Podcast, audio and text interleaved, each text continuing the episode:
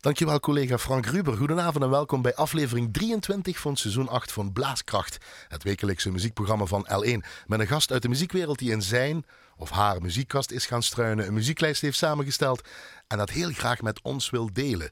De gast en ik zitten op afstand, eh, het nieuwe normaal, of misschien beter gezegd, of anders gezegd, het tijdelijke abnormaal. En de techniek in handen van haar collega Annette Tilly. Zij zit achter de glazen scherm, dus we zijn allemaal veilig en op afstand. In het eerste uur van Blaaskracht gaan we het over de regeren, symfonieorkesten Oost-Europa, Istanbul, China, Bulgarije, Roemenië, Rusland, Oekraïne, het plaatje Odessa daar, bouwkunde, eh, musical, opera, kamermuziek, Bernard Haitink, de dirigent Carlos Kleiber, de dirigent Günter Wand, Joop van den Ende, inderdaad, en natuurlijk over muziek hebben. Dus ik zou zeggen, blijf luisteren.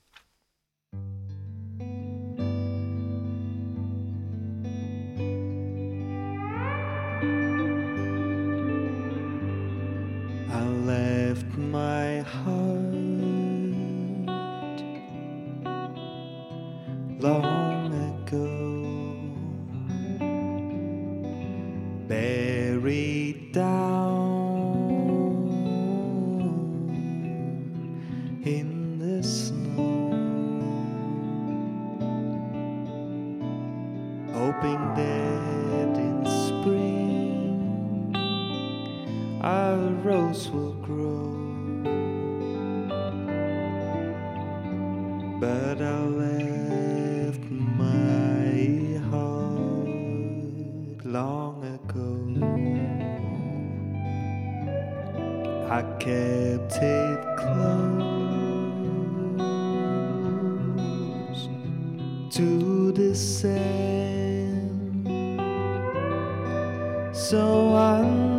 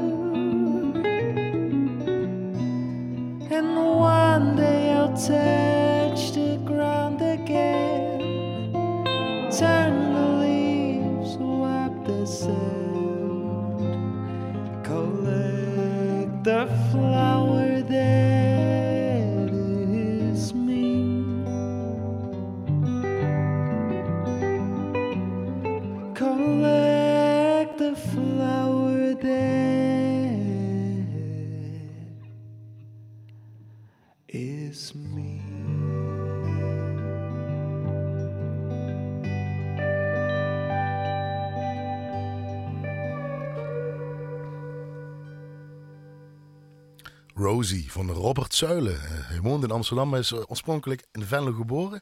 En hij heeft te maken met de gast hier in het eerste uur eh, van Blaaskracht. Eh, want eh, de gast studeerde aanvankelijk bouwkunde. En vervolgens aan de conservatorium van Maastricht en Amsterdam klarinet en orkestdirectie. Studeerde af in 1984 voor master klarinet. En in 1987 met cum laude voor zijn master orkestdirectie. Hij vervolgde zijn studie in Londen bij de Royal Opera House Covent Garden. Waar hij gecoacht werd door Bernard Haitink. Hij dirigeerde onder andere het Limburgs Symfonieorkest het Brabants Orkest, het Gelders Orkest, het Zeeuws Orkest, Bochum, Bochumer Symfoniker, het Moravisch Philharmonisch Orkest. Eh, was chefdirigent van de Koninklijke Militaire Kapel Johan Willem Frieso. En hij was eh, music director, zo heet dat dan in die wereld, van de Nederlandse productie van Les Miserables in Rotterdam en in Amsterdam. 2008, 2009 is het dan, heb ik zo ongeveer. Klopt dat, ja?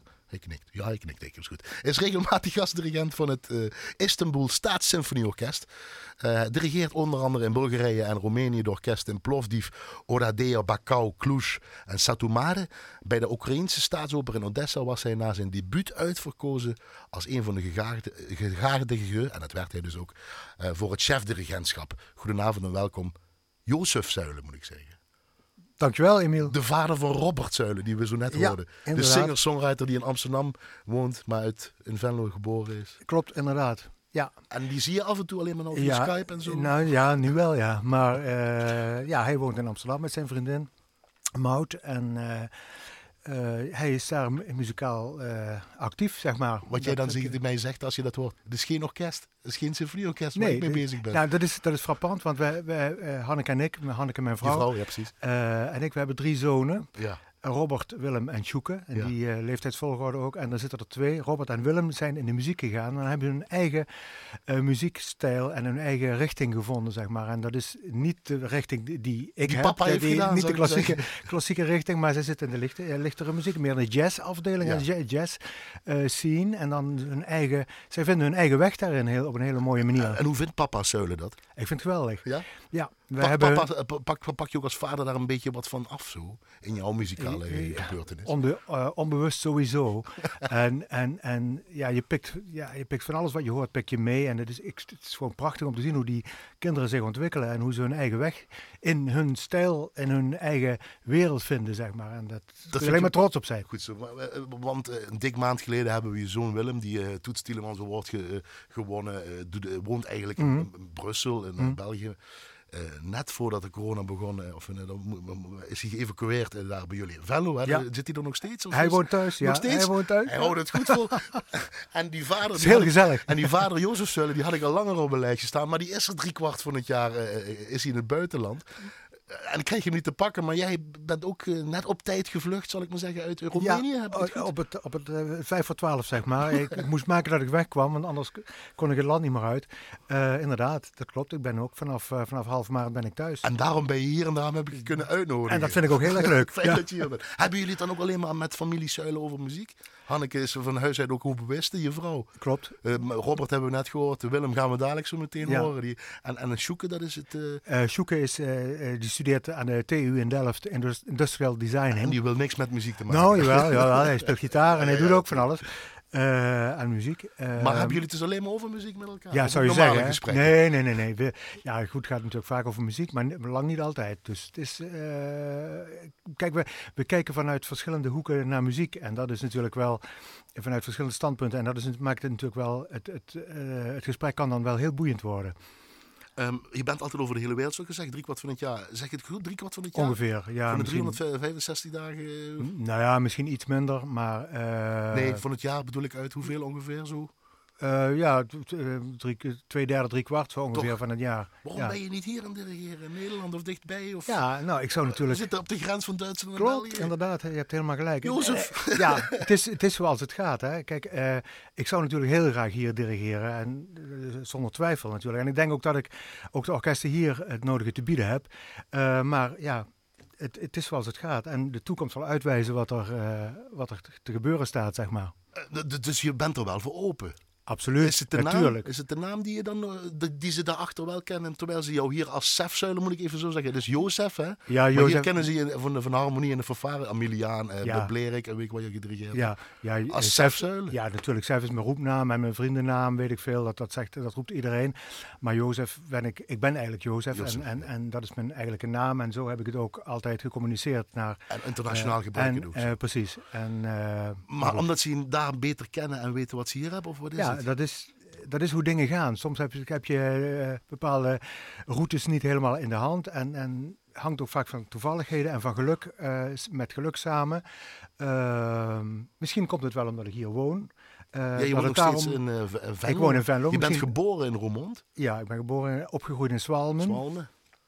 En eh, woon, woon al, al eh, vanaf eh, 1990 ongeveer in Venlo. Dus je denkt dat de plek, omdat je hier woont, dat dat minder Ja, misschien maakt? dat, houdt dat wat tegen. Eh, Ik heb geen idee. Hanneke, je vrouw... eh, die- Misschien mijn achtergrond van, van dat ik met harmonieën... Oh, is dat het? harmonieën, dat zou ook kunnen. Ik, ik zit ook met de gissen, maar ik, Gaan weet, misschien ik, ik weet het niet. Ik weet het gewoon niet. natuurlijk misschien moeten ontdekken. Hanneke, je vrouw, s- Stichting Door, eh, heeft ook met muzieklessen en Ja. scholen te maken. Die zou het natuurlijk ook prettig vinden dat je hier natuurlijk in de buurt zit, of niet? Dat sowieso. dat, eh, misschien niet altijd, maar... Misschien wordt het nooit te lang. Ehm, ehm, hoe kom je dan in het buitenland? Ja, met een vliegtuig of met een trein Ja. en weet ik wat. Maar dat bedoel ik niet. Maar via een agentschap? Of hoe, hoe, hoe kom Ja, dat, dat gaat, meestal gaat het van, van mond naar mond, zeg maar. Dat is gewoon, eh, mensen kennen je of hebben je meegemaakt en eh, praten dan over je. En dan kom je toevallig ergens terecht en daar gaat het dan weer eh, goed, zeg maar. En dan wordt het weer doorverteld en zo gaat dat balletje rollen. Dus je bent ZZP'er.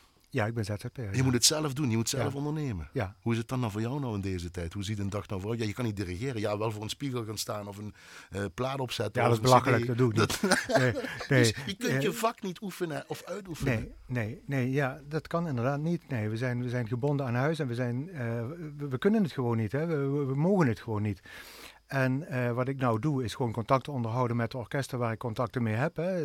Eh, ook eh, plannen en ideeën aandragen. En wellicht ook ideeën aandragen voor hoe je uit, langzaam uit deze, uit deze crisis zou kunnen komen. Hoe je het met een orkest zou kunnen aanpakken. Ik denk dat er iedereen mee eh, bezig is in jouw eh, vak, in jouw métier. Ja. Orkesten vooral. En An- Annette vindt dit ook altijd, eh, hier technici, mijn technicus, mijn linker rechterhand, ook belangrijk. We hebben het er ook vaak over met elkaar. Ja, hoe heb je dan een idee? Hoe kun je zoiets Mm, Ik denk, dat, ik denk dat er zijn orkesten bezig om, om, om en ik denk dat dat een, op zich een goede eerste stap zou kunnen zijn. Dat je met, een, een, een, als je uitgaat van een symfonieorkest, dat je dan in een kleine bezetting dat maakt van, van, laten we zeggen, van 25 tot tussen 25 en 35 personen op het podium. Dan kun je de afstand ook eh, garanderen, de veiligheidsafstand garanderen. En je maakt de zaal, je hebt natuurlijk een, een capaciteit in concertzalen misschien wel van 1000 mensen of 700, 800. Nou, die halveer je, dus voor 400 mensen bijvoorbeeld in een zaal of 500, misschien maximaal, misschien nog iets minder. En daar speel je één, één stuk. Je maakt ook geen pauze. En je herhaalt dat bijvoorbeeld. Je kunt, je kunt met Mozart, Haydn, Beethoven, En dan kun de je heel volgende. Brahms. En dan de volgende. Eh, mensen. nou, dat kun je een paar keer per, per dag zou je dat kunnen dus herhalen. kamermuziekrepertoire, 20 tot 35 man, Bijvoorbeeld, ja, anderhalve iets groter dan kamermuziek sowieso, zou sowieso kunnen. Eh dat hangt dan ook van de zalen waar je dit in speelt. Hè. Maar je kunt ook orkestrepertoire van, van Haydn, Mozart, Beethoven, Brahms zelfs en nog andere, heel veel andere muziek. En je, je, je speelt gewoon één, één programma onderdeel. Je maakt dus geen pauze. Je laat het publiek zitten waar ze zitten. Dat duurt ongeveer, je laat ze één uur zitten ongeveer. En die gaan naar buiten. En dat moet je gereguleerd doen. Ja, je moet ze ook gereguleerd binnenlaten. En dan komt de andere groep weer. Bijvoorbeeld. En dat, Want het gaat om kaartverkoop natuurlijk ook. dat ook, alles ja. Ja, ja, nou ja, de, de orkesten krijgen geen inkomsten. Er worden geen kaarten verkocht. Eh, geboren in 1955 in Klopt. Zoals ik al zei. Ja. 64 nog net, hè? Ja, Of ja. nog net, nou ja, dus, ben- dus nog geen kerst, laat ik het zo zeggen. Maar over drie jaar ben je klaar dus. Ja, 67. nou, Emiel, wat zeg je me nou? nee, nee, nee. Dat is niet niet. mijn plan in ieder geval. Is, is, ook, is ook niet in een dirigentschap, denk ik, dat je dan ook nou eh, mooi erin zit, mooier beleefd. Er wordt heel vaak gezegd, dirigenten worden pas echt goed na hun 50ste, 55ste. Net zoals wijnen. Eh, ja, dat is een goede Die vergelijking. Hele goede vergelijking. Want wat kan ik je aanbieden namelijk? Uit de L1 kantine, want we gaan Oh, zo luisteren lekker, naar... eh, eh, lekker rood wijntje vind ik wel lekker, ja. i- welk land? Heb je iets? Iets Italiaans? Ga ik zoeken. Eh, eh, eh, Een speciaal ding ook nog van Italiaans? Ja, ik durf bijna niet te vragen, maar heb je, heb je toevallig een Barolo Dat ga ik zoeken. Dat, ge- dan zullen we naar je andere zoon, Willem, de tweede, de tweede zoon is dat voor jou, zal ik maar Willem. zeggen. Willem Zuilen. Sleep Tight heet het. Hij is componist, hij speelt hier ook piano. Hij speelt met een ensemble vanuit zijn conservatorium vanuit Brussel, begrijp ik. Hè? Goed, Klopt, hè? klopt. Waarom heb je dit stuk? Is dit stuk spe- speciaal of omdat je iets van je zoon wil draaien? Ik wil er sowieso iets van, van mijn muzikale zonen laten horen. Eh, en hij heeft, zoals jij eerder al zei, heeft die, die Toets Tiedemans Award gewonnen. En daar is dit een van die stukken die hij op zijn, eh, eh, zijn, zijn presentatieconcert heeft gespeeld. En de, de prijs mee gewonnen heeft. Ja. Ik ga zoeken naar die Barolo en dan gaan wij luisteren.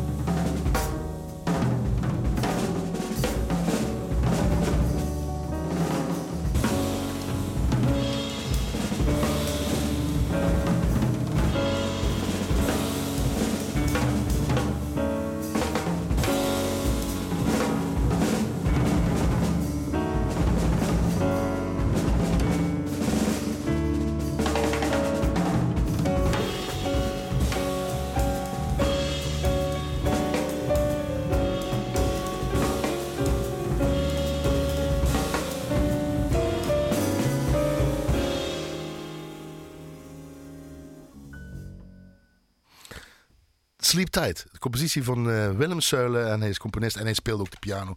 Eh, hier in het eerste uur van Blaaskap met als gast de vader van die Willem Zu- eh, Suilen. Jozef Suilen, dirigent. Je bent erbij geweest in Brussel in die zaal. Hè, met, met Ja, het, in Bozar, Bozar, inderdaad.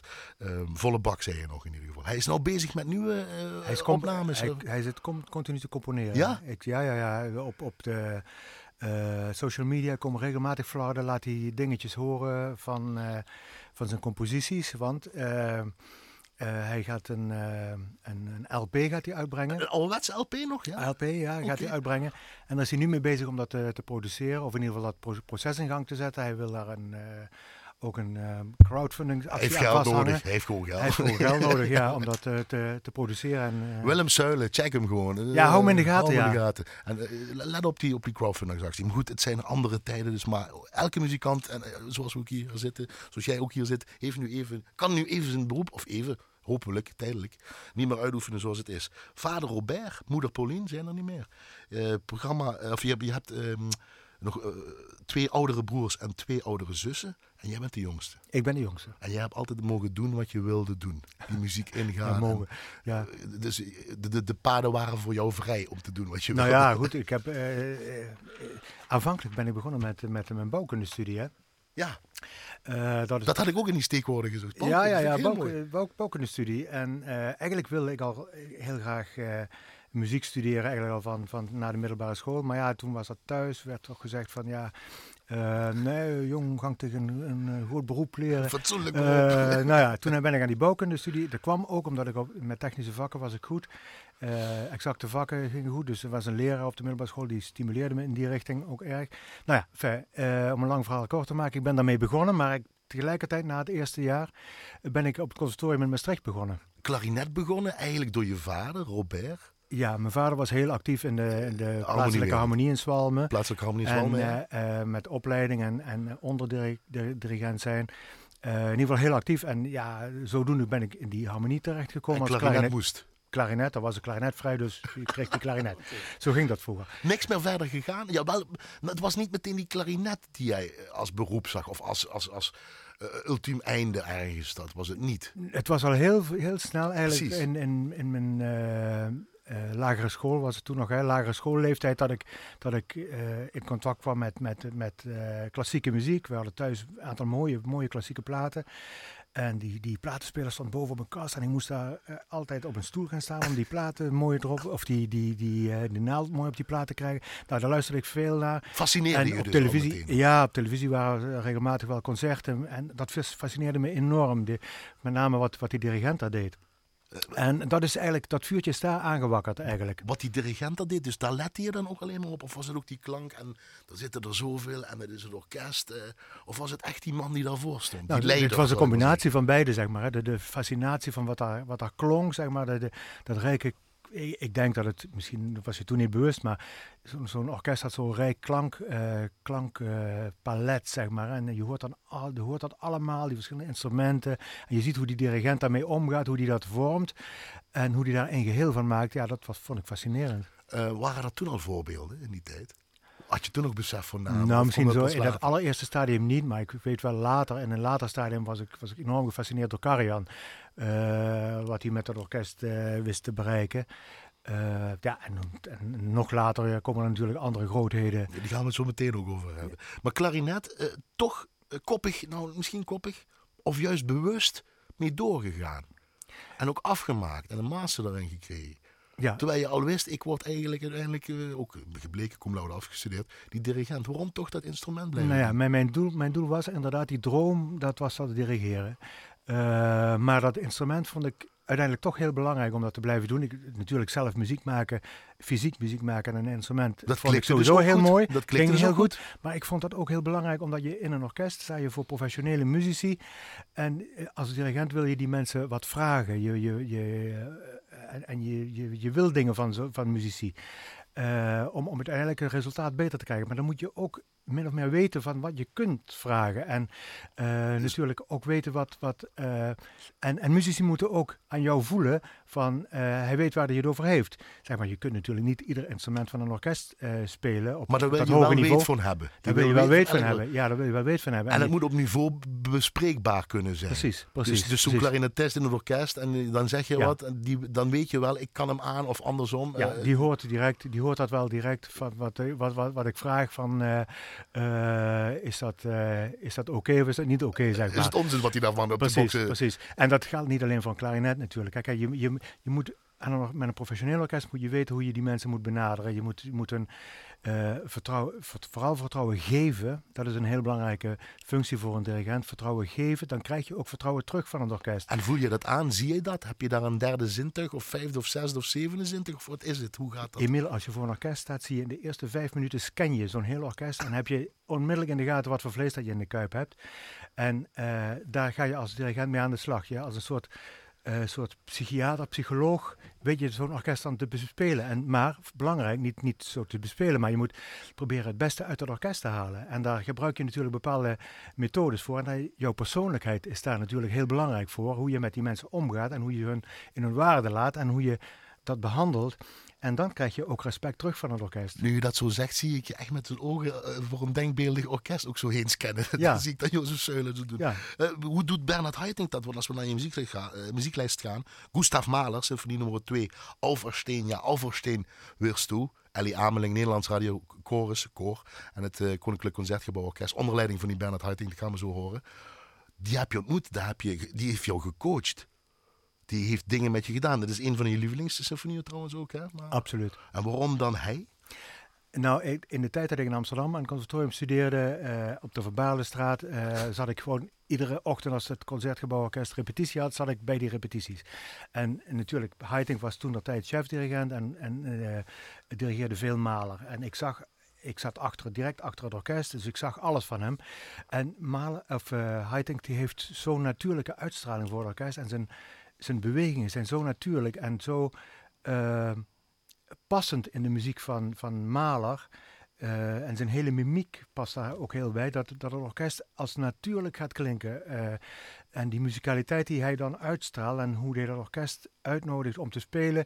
Dat is zo'n zo'n organisch en natuurlijk proces. Dat is, dat is fantastisch. Hij, Hij kan Mahler aan, hij begrijpt Mahler. hij zit helemaal in die Mahler, ja.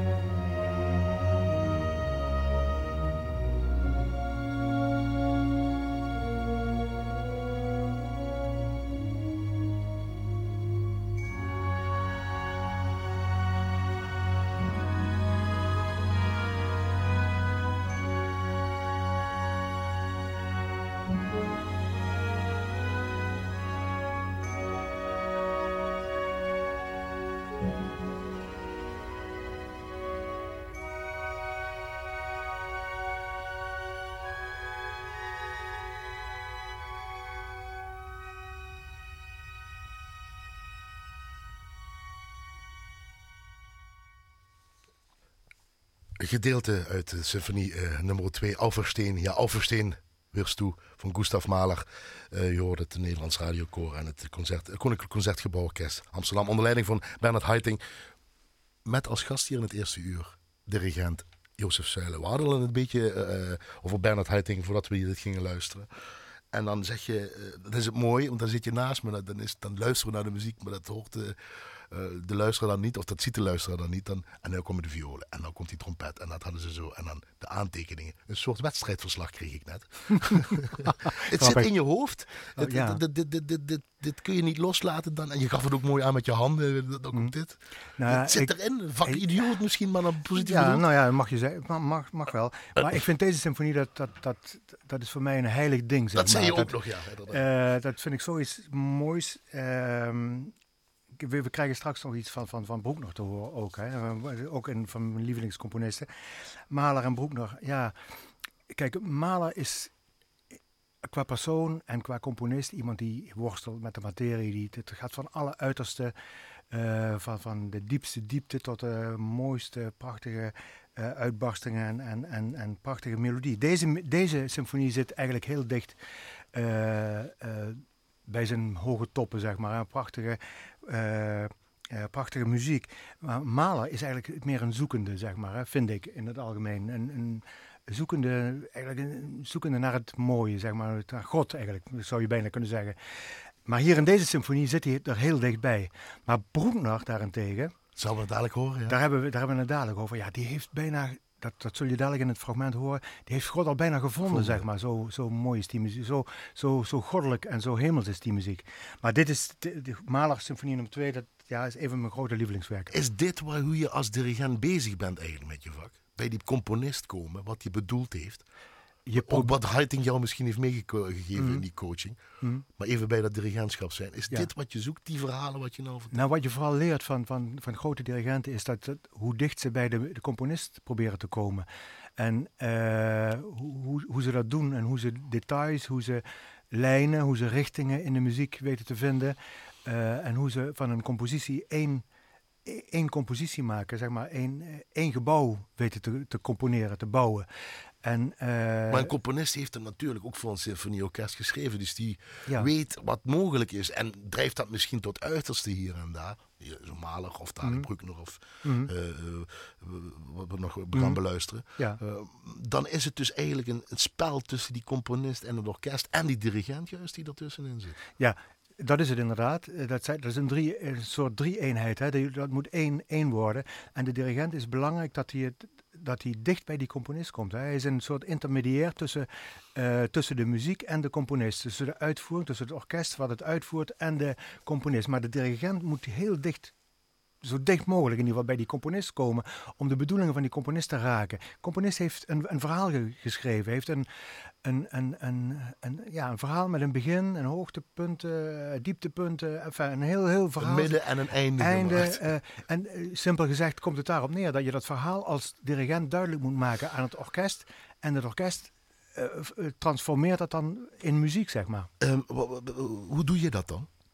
Hoe, hoe doe jij dat op de Jozef Zuilenstijl? Je probeert In het bu- buitenland, maar ook hier heb je het Ja, gedaan. je, hoor. je, ja, je probeert door, eh, door te onderzoeken, componisten te onderzoeken, lezen over componisten, over de, de, de omgeving waar componisten zich in bevinden, de tijds, het, het tijdsbestek waar componisten in leven, wat er gebeurde er in de wereld op het moment dat bepaalde stukken geschreven werden, ook dat wat voor invloeden, Ja. tijdsbeeld, wat voor invloeden heeft de componist, wat voor invloeden heeft hij van buiten gekregen. En zo'n eh, Bernard Heiting, hoe coach je die dan? Wat geeft hij je dan mee? Is er nog een woord of een zin wat jou bijblijft? Of een typisch uitspraak van Heiting? Nou, Heiting is niet zo van veel woorden, maar hij zei van... Nee, want ik zat in, in Londen, zat ik, als hij, dat was bij de opera, hè, bij Covent Garden. Ja. En ik zat direct achter, de, achter hem, zeg maar, op de eerste rij. En een, hij was bezig met repeteren. En dan zei hij van, kijk, hier moet je op letten. Dit, dit soort dingen, dit is belangrijk. Dit gaat altijd verkeerd. Of dit is geen enkel probleem. Lijkt heel moeilijk, maar is geen enkel probleem.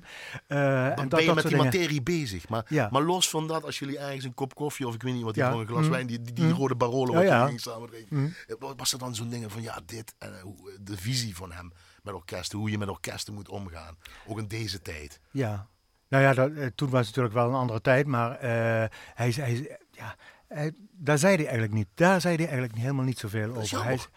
Hij, was, hij is niet zo van, van veel woorden. Hij is meer van, eh, kijk maar, kijk maar hoe ik het doe, zeg maar. En, en eh, hier, hij zei wel aan de hand van, van de partituur, zeg maar, als hij aan het repeteren was. Van hier moet je op letten, kijk, dat, heb je dat gezien? En neem je dat nog mee naar de Dat naar- neem ik naar mee, ja. daar zitten Eh, wat, wat moet je dan hebben tegenwoordig met een orkest dan, vind jij dan? Want het is toch een andere manier, andere manier van omgaan, andere tijd. Ja, kijk, kijk we leven, leven in de 21ste eeuw. Hè. Kijk, je, orkesten zijn heel hoog opgeleid. Dus muzici zijn heel hoog opgeleid, hebben een heel hoog niveau.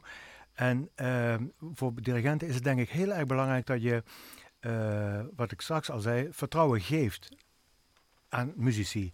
En je moet orkesten bepaalde vrijheid proberen te geven om eh, dat te doen waar ze goed in zijn. Dus eh, bijvoorbeeld als er een solo komt in een stuk, zeg maar, en dan ga ik niet tegen een solist direct zeggen van, nou, ik wil die noot iets korter, die iets langer. Ik laat zo'n solist spelen en dan, als het heel erg afwijkt van mijn eigen idee, dan nog probeer ik mijn eigen idee aan te passen dan aan pas wat ik hoor uit En het eigenlijk orkest. volg je hem een Ik beetje. volg hem meer. Carlos Kleiber bijvoorbeeld. Ja, Ook een mooie anekdote, een A4'tje daar over, Ja, zoiets. ja. Heb je me verteld in het Ja. voorgesprek wat we hadden. Want we gaan naar Bruckner luisteren onder leiding van Carlos Kleiber. Of sorry, naar eh, eh, Ludwig van Beethoven. Mijn fout. De zevende symfonie onder leiding van Carlos Kleiber. Ook zo'n dirigent. Ja, ja, Carlos Kleiber is een enorme grootheid. En die weet orkesten op te spuwen en op te, op te, op te stuwen en, en te enthousiasmeren tot geweldige grote prestaties. Grote forse man, zei je? Grote forse man, ja. Lastig persoonlijkheid. lastige persoonlijkheid, maar ook heel, heel bescheiden en onzeker. En in Londen in moest eh, dirigeren. En En dan had hij iets ik met was, een ik was, ja, ja, klopt, klopt, klopt. Ik was in, eh, bij Haitink in dat tijd, eh, met, bij Haitink, bij de repetities. En nou ja, daar gaan de repetities natuurlijk allemaal door elkaar heen. Kleiber was daar ook en hij was met Othello bezig. En hij was onzeker over het begin, de opmaat waar de opera mee begint. Carlos Kleiber die onzeker Carlos. Kleiber, die was onzeker, ja. En toen zei hij, het was in het overleggen met Haitink erover, hoe zou ik dat doen? Nou, uiteindelijk heeft hij een A4'tje aan de ingang van de orkestbak links en rechts opgehangen en uitgelegd aan het orkest. Ik sla de eerste maat gewoon helemaal uit. 1, 2, 3, 4 en dan komt de opmaat. Zo deed hij dat, ja. Zo deed hij dat toen. Ja, Die grote Carlos Kleiber. ja zeker. Neem een slok van je eh, rode Barolo en dan gaan we luisteren naar Ludwig van Beethoven, 7e symfonie, deel 4, Combrio, een stukje eruit. Bayerisches Staatsorkest onder leiding van Carlos Kleiber.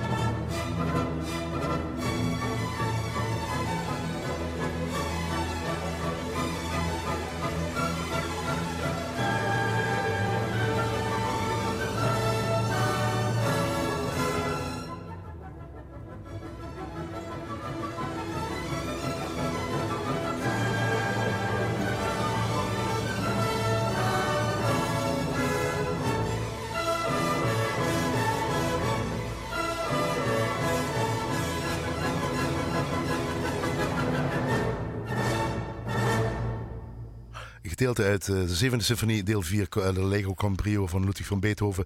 Uitgevoerd door de Bayerische Staatsorkester onder leiding van dirigent Carlos Kleiber. Hier in het eerste uur van Blaaskracht Gast. Met als gastdirigent uh, Jozef Zuilen. Um, dan denk je dat hij het op het einde versnelt. Maar nee, dan zeg jij tegen mij: nee, Emiel, op het einde gaat het niet sneller.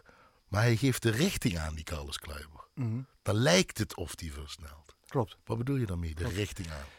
Nou, dat is eigenlijk wat ik straks ook al zei, min of meer, zeg maar. Een muziek, muziekstuk heeft een, een, zit een verhaal in, zeg maar. En er zitten, zitten, zitten lijnen in, zitten zinnen in. En uh, je hoort heel duidelijk hier dat de richting van de muziek, dat, dat leidt ergens naartoe, zeg maar. En dat leidt naar het einde toe. En dat weet hij op zo'n vernuftige manier te doen door door te suggereren dat het sneller gaat. Misschien zit er een, een spoortje versnelling in, maar dat is amper iets. Maar dat is meer de richting. Dat zit hem in dynamiek, dat zit hem in opbouw. En uh, dat is de richting die het, die het belangrijk maakt dan. En die dat suggereert. Hoeveel partituren heb je in je hoofd, Jozef Zuilen? Oh. Want dit zie ik hier ook weer aangeven. Nou komen ja. de trompetten, nou die horens. Ja, die poepen in hun broek van angst, want het is zo lastig. Dat kreeg ik dan te horen. Zo. Ja, ja, nou ja, dat is een hele lastige hoornpartij. Hoge hoornpartij is natuurlijk lastig. Maar hoeveel uh, zit er ja. in je hoofd? Dit heb je nog gedirigeerd met het LSO? Nou, ja, ook nog onder, maar dat, dat blijft dan plakken, of wat is het? Ja, ja, ja. Of heb je fotografisch geheugen? Of. Nee, ik heb geen fotografisch geheugen, maar ik, ik, uh, ik, ik, kan me wel heel goed een partituur uh, in me opnemen, ja. En ik, ik, heb er inderdaad veel in mijn hoofd zitten. Wat is het verschil van die verschillende orkesten die jij dirigeert in het Oost-Europa? In Istanbul, in Rusland, Oekraïne, waar zit je allemaal?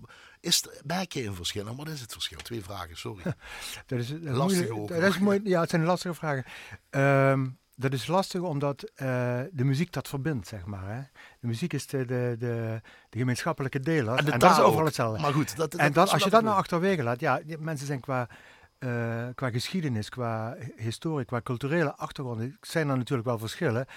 Uh, in Oost-Europa heb je hele hele goede muzici, hele goede muzici. De omstandigheden waaronder ze moeten werken zijn misschien iets minder dan hier. Hoewel dat ook wel aan het bijtrekken is. Uh, in Istanbul heb je een fantastisch orkest zitten. Waar, dat heeft natuurlijk ook een hele eigen cultuur. Maar er zijn ook heel, heel veel van die muzici uit dat orkest die in West-Europa gestudeerd hebben. In Amsterdam, in Berlijn, in, in Frankfurt, in pa Parijs.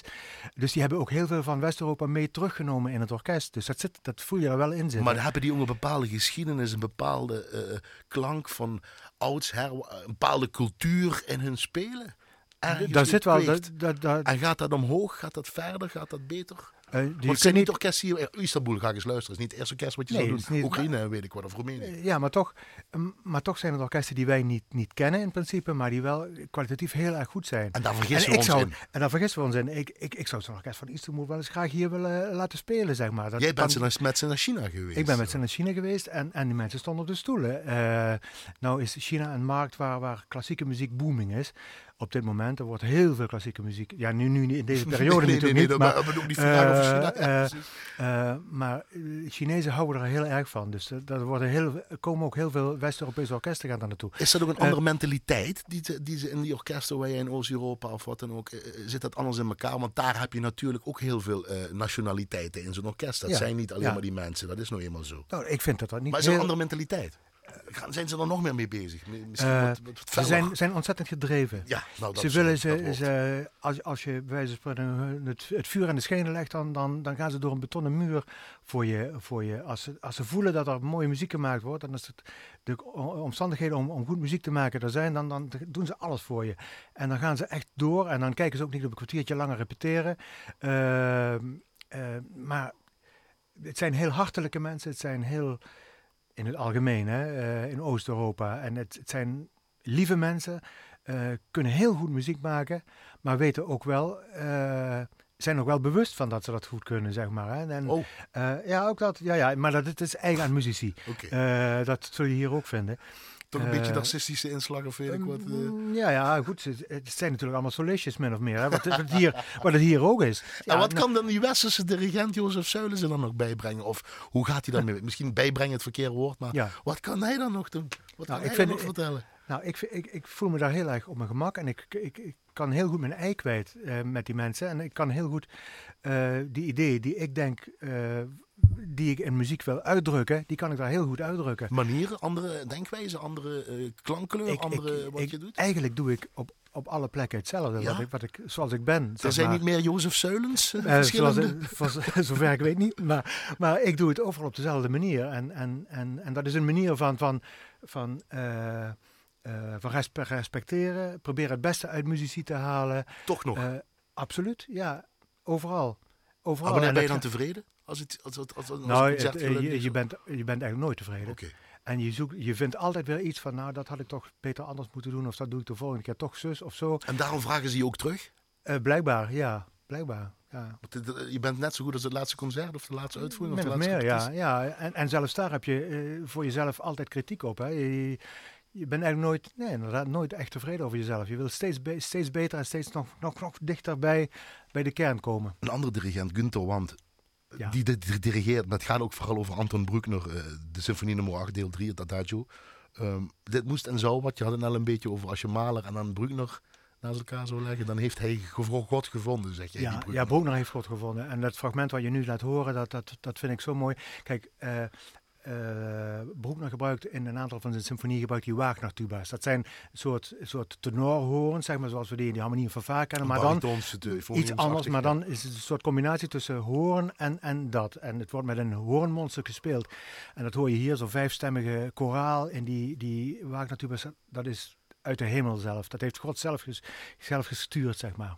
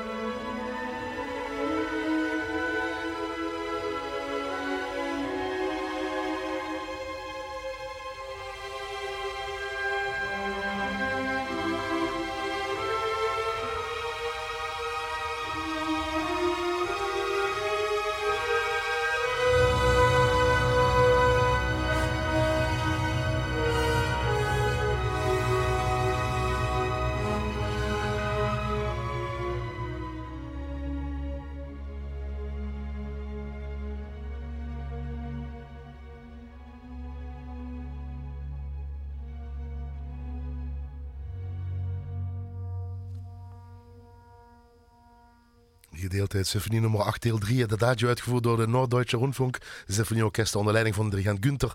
Want eh, Anton Bruckner, dan hoorde je op die, die, die Wagner.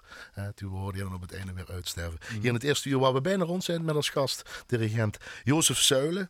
Eh, God die zegt dat het goed is. Zeg je, ja, we hebben het gehoord. Dat is eigenlijk wat we net hoorden, als je dat zou moeten vertalen in woorden. Toch? Als je die Wagner natuurlijk dat, dat vijfstemmige koraal hoort en, en je hoort dan het antwoord van die, die celli, alveolen, dat, ja, dat is...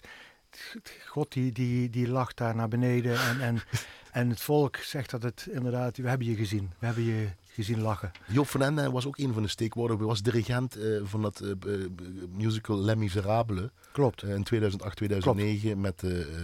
eh horen daar Fantine, eh, Mijn Droom, I Dream a Dream. eh, dat is Noulaila Karim gaat dat zingen. Daar was je dirigent van. Hè? Ja, dat klopt. Daar eindigen we zo meteen mee. En, van, niet voordat we de cultuurtip nog gaan bij de muziekgedachte. De cultuurtip is een boek van, wat jij bent aan het lezen zelfs nog, een Duitsstalig boek. Brahms in der Meininger Tradition.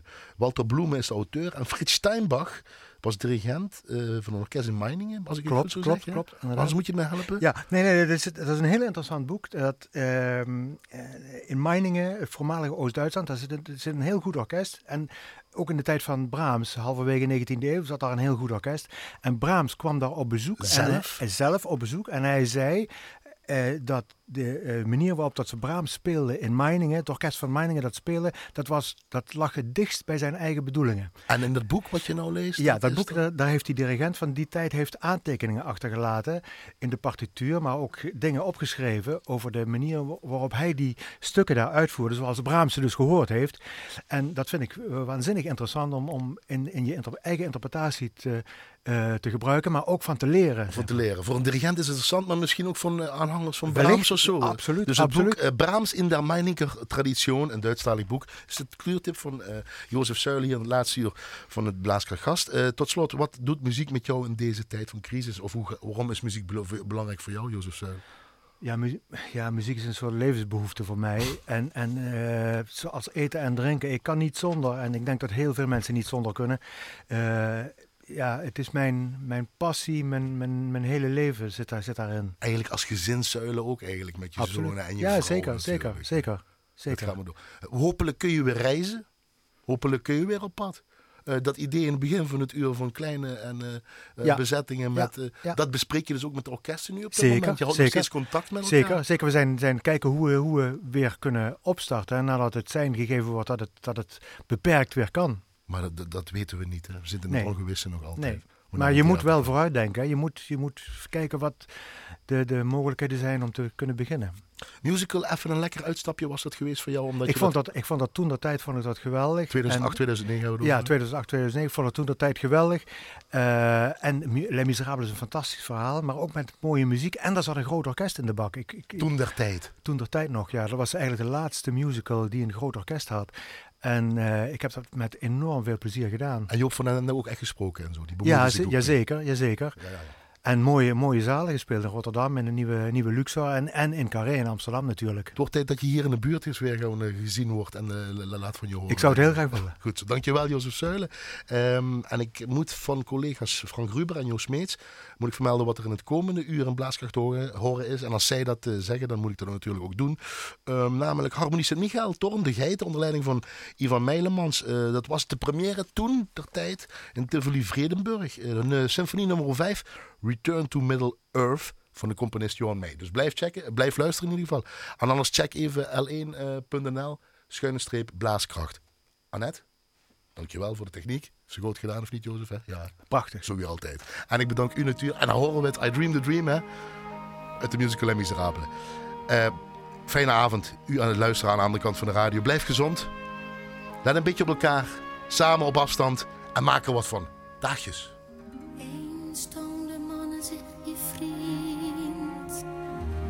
Een stem aangenaam en een woord jou behagend. Eens was de liefde groot en blind en de wereld een lied.